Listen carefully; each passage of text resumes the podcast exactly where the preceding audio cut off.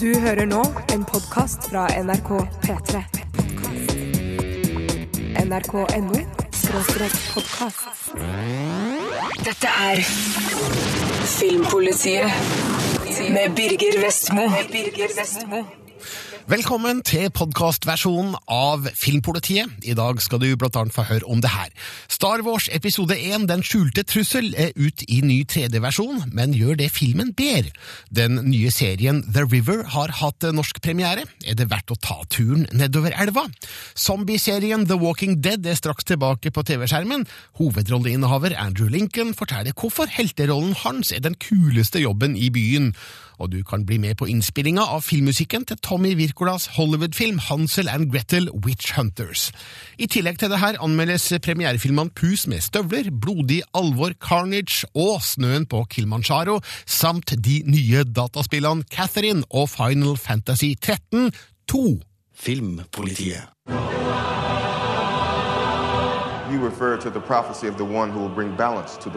Jeg skal være ærlig. Da Star Wars episode 1 Den skjulte trussel hadde premiere i 1999, var jeg så begeistra for å se en ny Star Wars-film i det hele tatt, at jeg overså eller ignorerte filmens mange svakheter.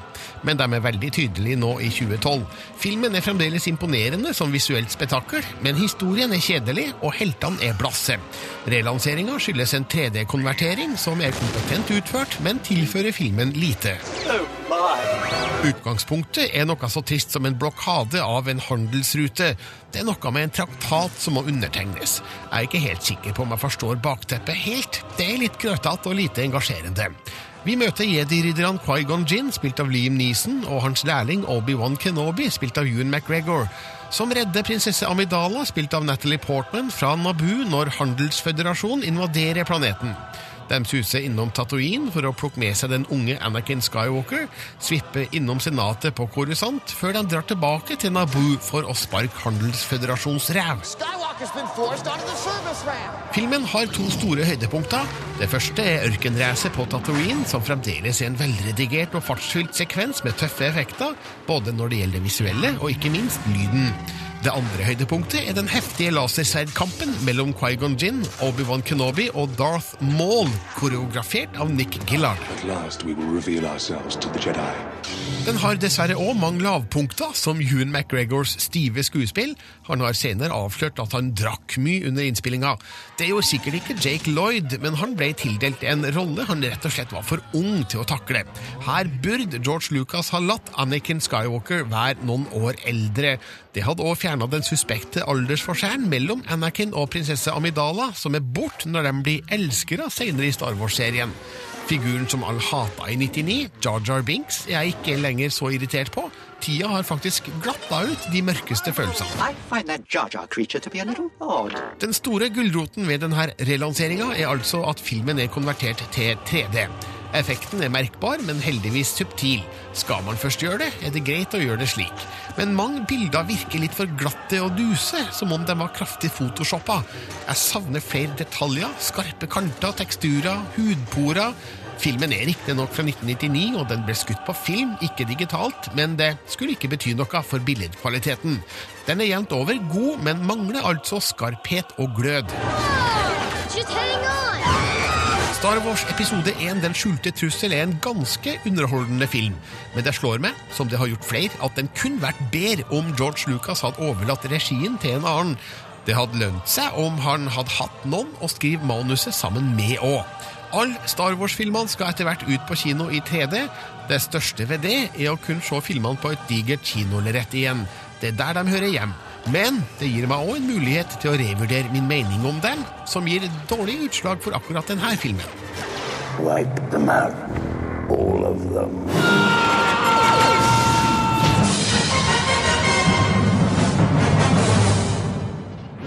Dette er Filmpolitiet på P3.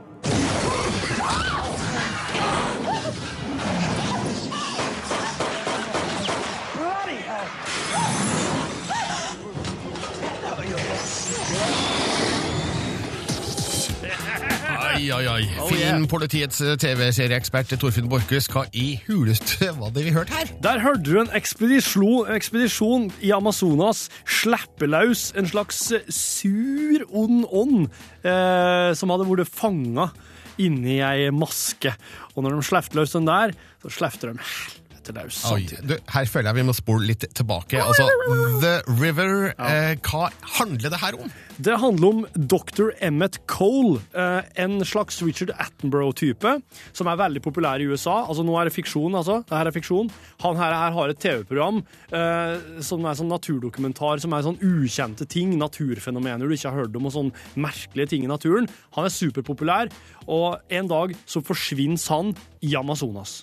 Og etter n- noen uker så plutselig bare pikk, pikk, pikk, så begynner nødsenderen hans å pipe. Sier den pikk? Den sier pikk. Pikk? Den sier Pikk? Ja, Pikk? det er sin. Og det er, det er ganske grovt, men det tåler oss. Og så legg da altså um, kjerringa til Emmett Cole, sønnen hans og et dokumentarfilmteam som betaler for hele turen mot at de får filma alt og bruke seinere, oredigert, og eh, nedover, på tur nedover elva. Og Altså, denne her, her hadde premiere på tirsdagen på TV Norge Max. TV Norge er i ferd med å bli den beste seriekanalen i Norge nå for tida. Du, eh, vi snakka faktisk om The River i Filmpolitiets årskavalkade nå like før jul, og da, Stemmer. da, da Stemmer. fortalte du jo om hva det her skulle handle om, og Ja. det eneste jeg tenkte på da, det var.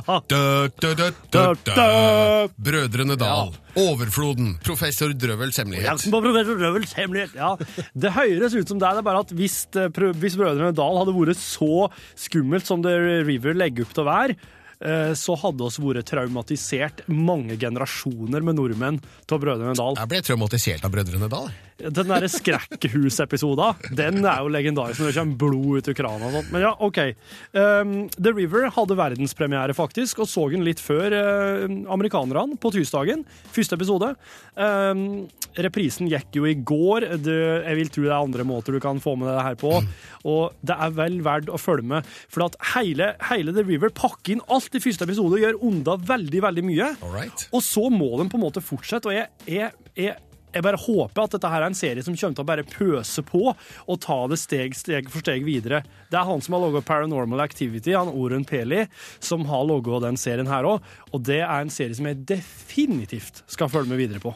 Eh, ja eller nei, Torfinn Borchhus, er The River anbefalt? Det er ei kjempeanbefaling!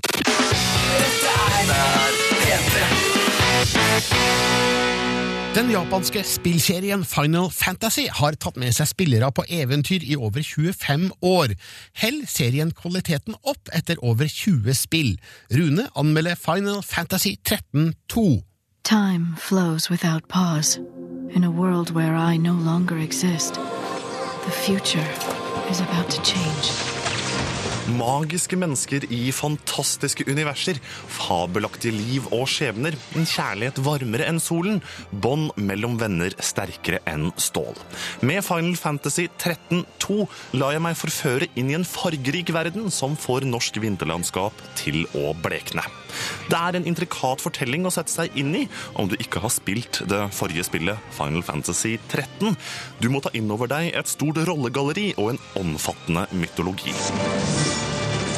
You are contradictions in the timeline. I have every reason to eliminate you. Du er Sarah, lillesøsteren til protagonisten Lightning i forrige spill. Storesøster ofret seg selv for å redde verdenen. Hun ble transportert til Valhalla, en mystisk dimensjon, og alle tror hun er død, men ikke Sarah. Mange av figurene i spillet Final Fantasy 13-2 er kjenninger fra forgjengeren. Derfor er det ikke overraskende at de fortsatt er overfladiske figurer med overspilte følelsesliv. Stemmeskuespillerne overdriver slik at dialogen skal passe til det ja, ganske særegne japanske spilluttrykket. Likevel, det er et vakkert spill. Alt fra figurene og klærne de har på seg, til de mangfoldige omgivelsene du møter på din vei. Teksturene er detaljerte, og jeg tok til stadighet en liten piruett for å nyte den digitale naturen rundt meg. Dette fører også til at Final Fantasy 13.2 sliter med lav bildefrekvens. Både på Xbox 3 og PlayStation 3 så hakker det litt. Det er ikke mye hakking, men det er nok til at du blir litt irritert. Warrior goddess. Kampene utføres i en egen taktisk modus, hvor du kan planlegge å utføre forskjellige kombinasjonsangrep. Forskjellige lagformasjoner gir deg muligheten til å skreddersy planen for å være mest mulig effektiv i strid. Gjør du en ekstra god kamp, så får du bonuspoeng. Selv med mange valgalternativer så flyter kampene sømløst.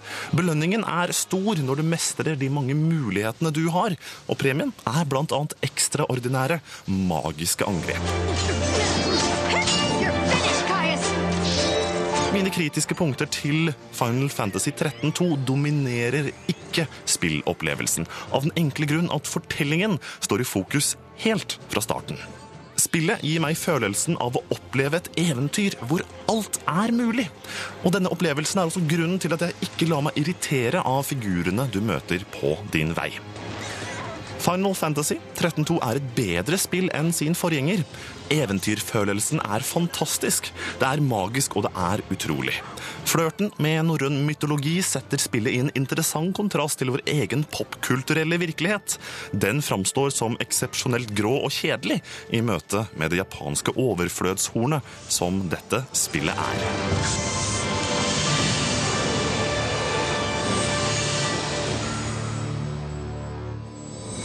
Et eventyr i toppklasse med en Rune Haakonsen. Han ga terningkast fem til Final Fantasy 13-2.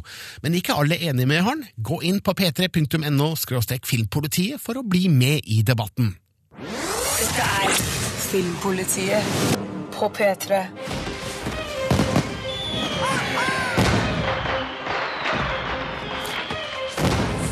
Du kjenner kanskje mitt navn, men du kjenner neppe til legenden. Pus med støvler er en av de beste bifigurene i Shrek-universet, men tåler katta en egen film? Ja, og det med god margin. Det her er en underholdende figur med flashy fremtreden og stor sjølsikkerhet, men med dertil større fallhøyde når ting ikke går som forventa. Det skjer ofte i Pus med støvler, og gjør det her til en ganske så morsom familiefilm. Animasjonen er førsteklasses og sørger for at filmen er verdt å se med ungene. Jeg forsvarer de uskyldige. Vi kan takke ham for alt. Historien tar til lenge før vi møter Pus med støvler i Shrek-universet. Han forsøker å stjele tre magiske bønner fra slemme Jack og Jill, men en mystisk maskert katt kommer han i forkjøpet. Det her leder han til Lille Trille, en gammel venn fra barnehjemmet de vokste opp på, og vakre Kitty. Sammen legger de ut på en farlig ferd for å sikre seg de magiske bønnene, som kan lede dem til en fantastisk skatt. Kriminelle voldsmenn har oppdaget en eldgammel kraft. Det er ingen vits i å lete etter dypere mening med denne filmen, for den fins ikke. Det her er et rent actioneventyr i et fantasifullt univers der mye rart går an. Rent stemningsmessig minner filmen ikke så rent lite om Zorro-filmene med Antonio Banderas, som òg er stemmen til Pus i den originale versjonen. Pus er òg en godhjerta helt som bekjemper ondskapen, og også her gjøres det med glimt i øyet og slapstick-action. Milde Dorthea. I likhet med Shrek-filmene bruker også denne elementer fra eventyrverden i handlinga. Lille Trille er den lille Trille vi kjenner fra regla, og filmen gjør mye morsomt med hans noe spesielle kroppsfasong. Gåsa, som legger gullegg, er også representert, og de magiske bønnene resulterer i nok et element vi kjenner fra eventyrenes verden. De her tingene implementeres smart i historien, slik at det føles som om de hører hjem her. Arrester dem! Vet du hva de gjør med egg i fengsel, eller? Pus med støvler er mest beregna for barn, men regissør Chris Miller, som òg laga Shrek den tredje, har passa på å putte inn noen referanser for voksne. Blant annet forteller Internett meg at det visstnok skal være en marihuana-referanse i filmen et sted. Vi ser for øvrig ingenting til Shrek, heller ikke etter rulleteksten. Veien er altså åpen for mer film med pus med støvler. Det må gjerne skje, for denne filmen er moro så lenge den varer. Mitt navn skal bli legendarisk.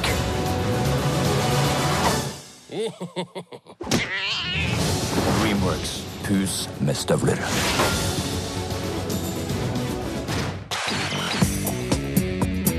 NRK P3.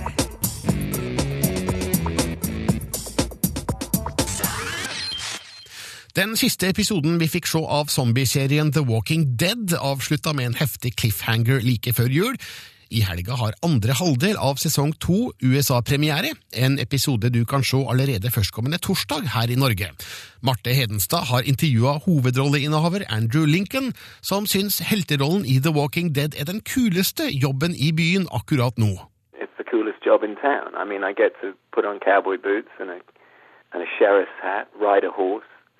They give me a bag of guns and they tell tell me to rid the world of the zombie menace. I mean, what's not to like? På en litt skurrete telefonlinje fra England snakker jeg med Andrew Lincoln, aka sheriff Rick Grimes i zombieserien The Walking Dead. Serien har blitt superpopulær, og mange er spente på fortsettelsen når Rick Grimes og zombiene kommer tilbake på TV-skjermen her i Norge 16.2. Andrew Lincoln er entusiastisk for fortsettelsen og lover mer skrekk og spenning i andre halvdel av sesong to. Six episodes, I would say that there's a lot more um, infighting between the group. Uh, there's a greater anxiety. There's also a, a huge threat posed by uh, the walkers. Uh, and all I will say is that not everybody gets out alive. There's a m- much more onus placed on the horror aspect and the thrill aspect and um, the conflict aspect. It certainly feels less safe the second half of the season, which I think is an important um, device, certainly. All I want is to get out of this endless, horrific nightmare. There is still a life for us. I've often uh, thought about uh, The Walking Dead as a drama series that just happened to be in this post-apocalyptic uh, world. Uh, how do you Yeah. feel about that? Full of zombies, yeah. Yeah. well, well, well. I think that the, I think AMC have been very good at commissioning and and making character-driven dramas, and I do think that you can spend a lot of money uh, doing special effects and makeup, and unless you have engaging characters and good storylines, I don't know. I just think that um, I think it has to be character-driven. I think all of the scripts. I don't think I would be involved in it if it was purely an exercise in shock and horror.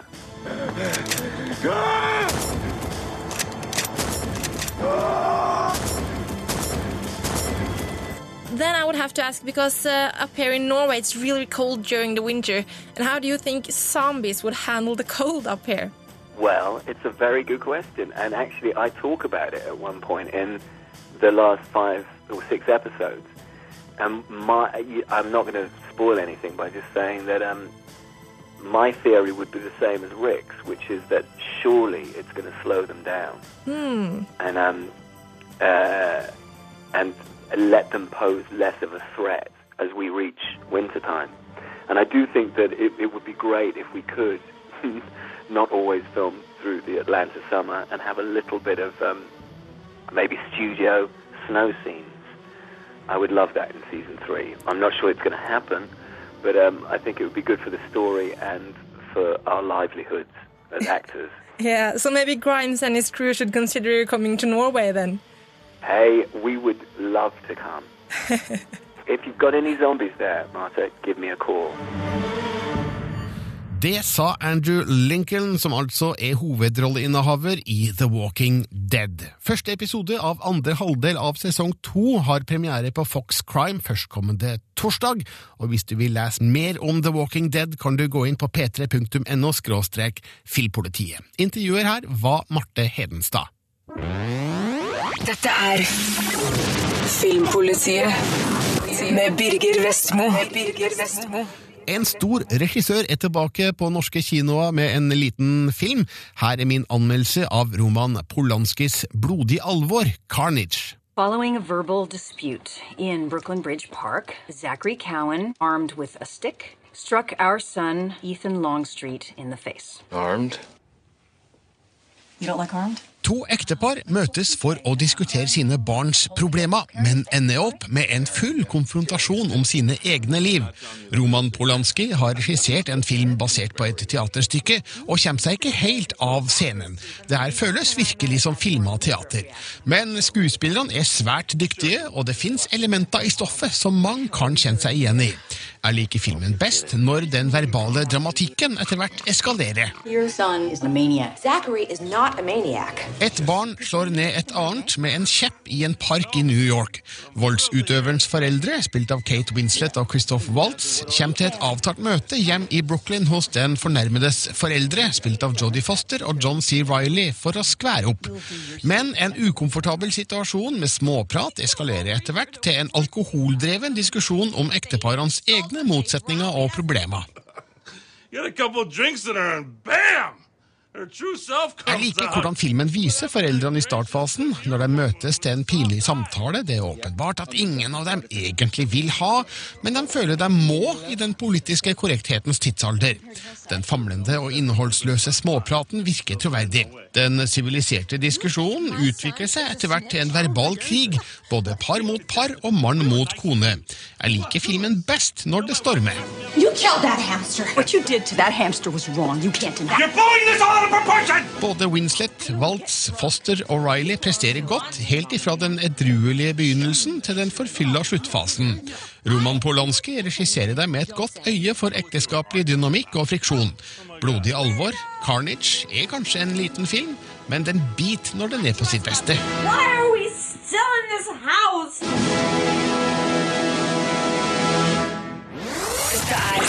Filmpolitiet på P3.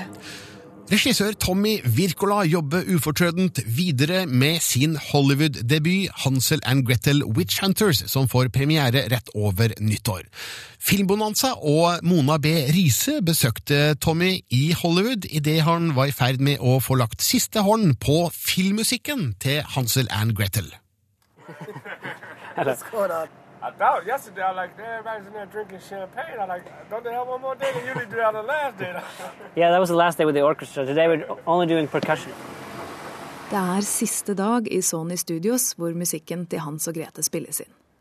Fire perkusjonister og i hvert fall ti lydmenn, orkesterledere og hjelpere står klare i det legendariske studioet. Fred Astaire brukte jo stå her og steppe på de her eh, gulvene her, så det er jo mye, mye historie her. Wizard of Oz og eh, Dr. Chivago og så har John Williams, Spielberg sine filmer. Han skårer her i LA. Han skårer mye i London, men han skårer i LA, så skårer han her. What's that for? Is that for a drum? Yeah, it's the Mahler hammer. Because they sent us a small box, which is not quite right.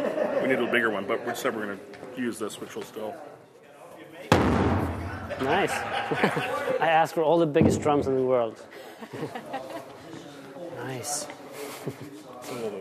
Filmen har ekstremt mye score, mer enn gjennomsnittet. Så er det enkelte sekvenser i filmen som er veldig designa etter å ha stor score. Som jeg ville ha når jeg skrev det. Jeg tenkte at det her skal bli drevet av musikken, ikke omvendt. Ikke? Vi skal ha et stort, stort musikalsk stykke her da, som, som virkelig driver actionsekvensen framover. Og det er den islandske komponisten Atli Ørvarsson som har hatt oppgaven å lage musikken til det som skal passe til stor og actionfylt heksejakt. It's like Edward could be playing that. Yeah, our troll. Yeah. Troll, troll percussion. the characters in the movie, you know, even though it's supposed to take place in Germany in the probably 1700s or so, they're very, they're very modern kinds of characters. You know, they curse and, and you know, and wear leather, you know, from top to bottom. And the idea was something like, you know, Metallica meets Edward Scissorhands. Yeah, we're, we're better than that now. Well, yeah, we've improved on that. it's evolved. Starting with Tallwitch Chase, Atli. En av de første actionscenene i filmen. Når Hans og Grete Ja, rett og slett første gang vi ser dem jakte en heks.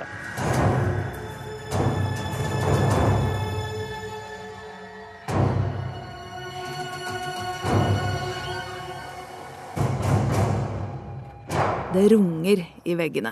Men Tommy Wirkola er ikke fornøyd med absolutt alle trommene.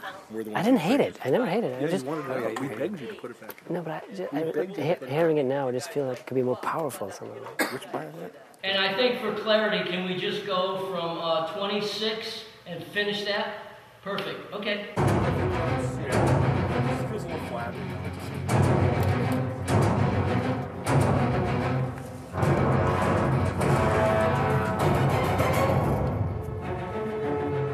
Man tenker ikke så mye på det når man er midt i det, men hvis man ser på det fra avstand, så er det jo veldig, veldig rart og sykt å tenke på. Selvfølgelig.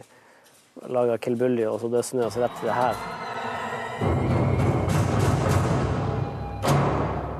Det sa Tommy Wirkola, regissør av den kommende Hollywood-filmen Hansel and Gretel Witch Hunters. Intervjuer her var Mona B. Riise, og innslaget kan du også se i denne ukas utgave av Filmbonanza.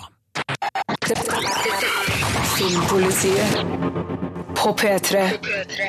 Et helsprøtt japansk spill om samliv. Høres det rart ut? Spillet er enda merkeligere enn du kan tru. Rune Haakonsen anmelder Catherine. So, how do you feel about me? Are you okay? You've been acting weird lately. Spill som tar utgangspunkt i hverdagslige problemstillinger, er ganske så sjeldent. Catherine plasserer kjærlighet og troskap i sentrum av sin fortelling, men vil overraske alle som spiller det.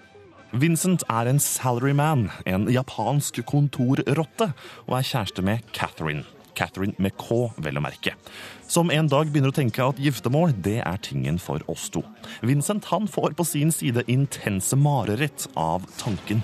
Og det hele blir enda mer komplisert når Vincent møter den smellvakre Catherine med C. Ikke med K, altså. Det er to kvinner i hans liv, og nå dras han mellom de to. Hvem skal han velge? Hvor mange år har vi vært together? How many years? I'm asking you. Spillet er delt i to, med en dagtidmodus hvor vår kjærlighetshelt må sende tekstmeldinger til sine to kvinner, alt mens han sitter i baren Stray Sheep. Om natten så må Vincent klatre opp gjennom en skjærsild, bokstavelig talt. For om natten er Catherine et smart plattformspill, hvor spillfiguren må komme seg til toppen av en lang og komplisert trapp inne i marerittet sitt. På toppen av hver trapp venter en plattform befolket av andre menn med samme kjærlighets- og giftermålsproblem. Men Vincent ser ikke mennesker, han ser sauer som klatrer opp mot kjærligheten, for en slående symbolikk. Det er herlig å stadig bli overrasket over galskapen og kreativiteten som ligger bak et spill som dette. Virkelighetsnære situasjoner og problemstillinger er ingen hindring for god underholdning. Am I really capable of making a happy family? Just changed jobs. I don't have any cash.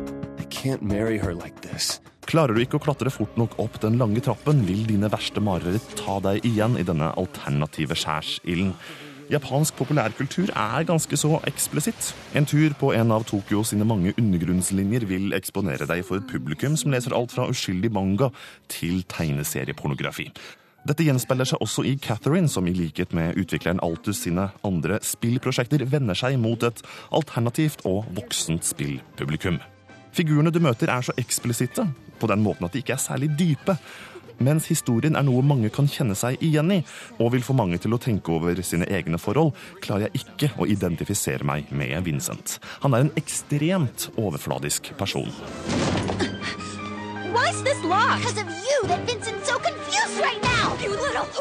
Det er godt å spille et spill som lar figurene hente motivasjon fra realistiske situasjoner. Catherine sitt problem er at figurene og holdningene deres ikke er det. Jeg etterlyser kanskje et spill som i enda større grad tar dette på alvor. Og nå er det jo snart to år siden Heavy Rain kom ut, det jeg mener var det beste spillet i 2010. Og jeg vet at spillpublikummet verden over, og ikke minst i Norge, er mer enn noensinne interessert i akkurat dette. Excuse me. Mind if I sit here? Rune Haakonsen mener at spill bør speile hverdagslige problemstillinger i større grad. Han gir derfor Catherine terningkast fire for forsøket. Er du fortsatt nysgjerrig på hva i all verden for slags spill det her er, gå inn på p3.no filmpolitiet og se videoanmeldelsen fra spillet. Nå skal vi spise snegler og pariserloff og sikkert drikke litt god rosévin. Neste film er nemlig fransk. Her er min dom over premiereklare Snøen på Kilimanjaro. Louis Toledano. Roger Barbaro. Omar Zemoun. Spørsmålet om tilgivelse står i fokus i den franske filmen Snøen på Kilimanjaro. Hvor langt ville du som offer strukket deg for gjerningsmannen og hans familie? Figurene i denne filmen utviser en godhet som nesten er for god til å være sann, men er samtidig et varmt bilde av menneskets evne til å fortrenge det vonde med det gode. Jeg hygga meg med snøen på Kilimanjaro, som ga meg inntrykk det er verdt å ta med videre. Fagforeningslederen Michel, spilt av Jean-Pierre Darroset, mister jobben. Kollegene samler inn penger, slik at han og kona Marie-Claire, spilt av Ariane Askarid, kan dra på drømmetur til Afrika. Men så blir pengene stjålet under et brutalt hjemmeran. Michelle oppdager hvem som står bak, og tipser politiet, men kommer i et dilemma når han oppdager at gjerningsmannens to små brødre plutselig står uten tilsyn.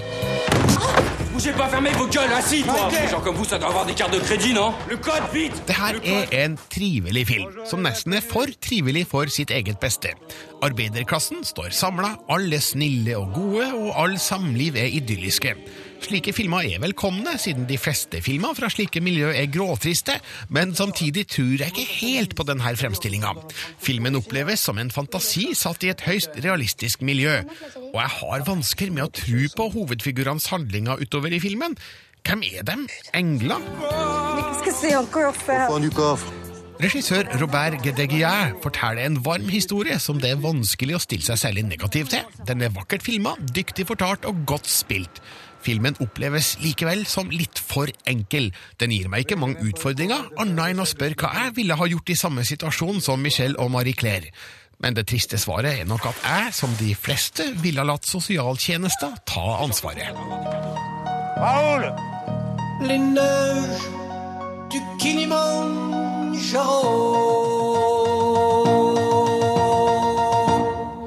Det var det vi hadde å by på i denne podkastutgaven av Filmpolitiet. Vi høres igjen om en uke. Takk for at du lasta ned og hørte på. Dette er Filmpolitiet med Birger Vestmo. Birger Vestmo. Du hører nå en podkast fra NRK P3. Hent flere podkaster fra NRK på nettsiden nrk.no podkast. NRK P3.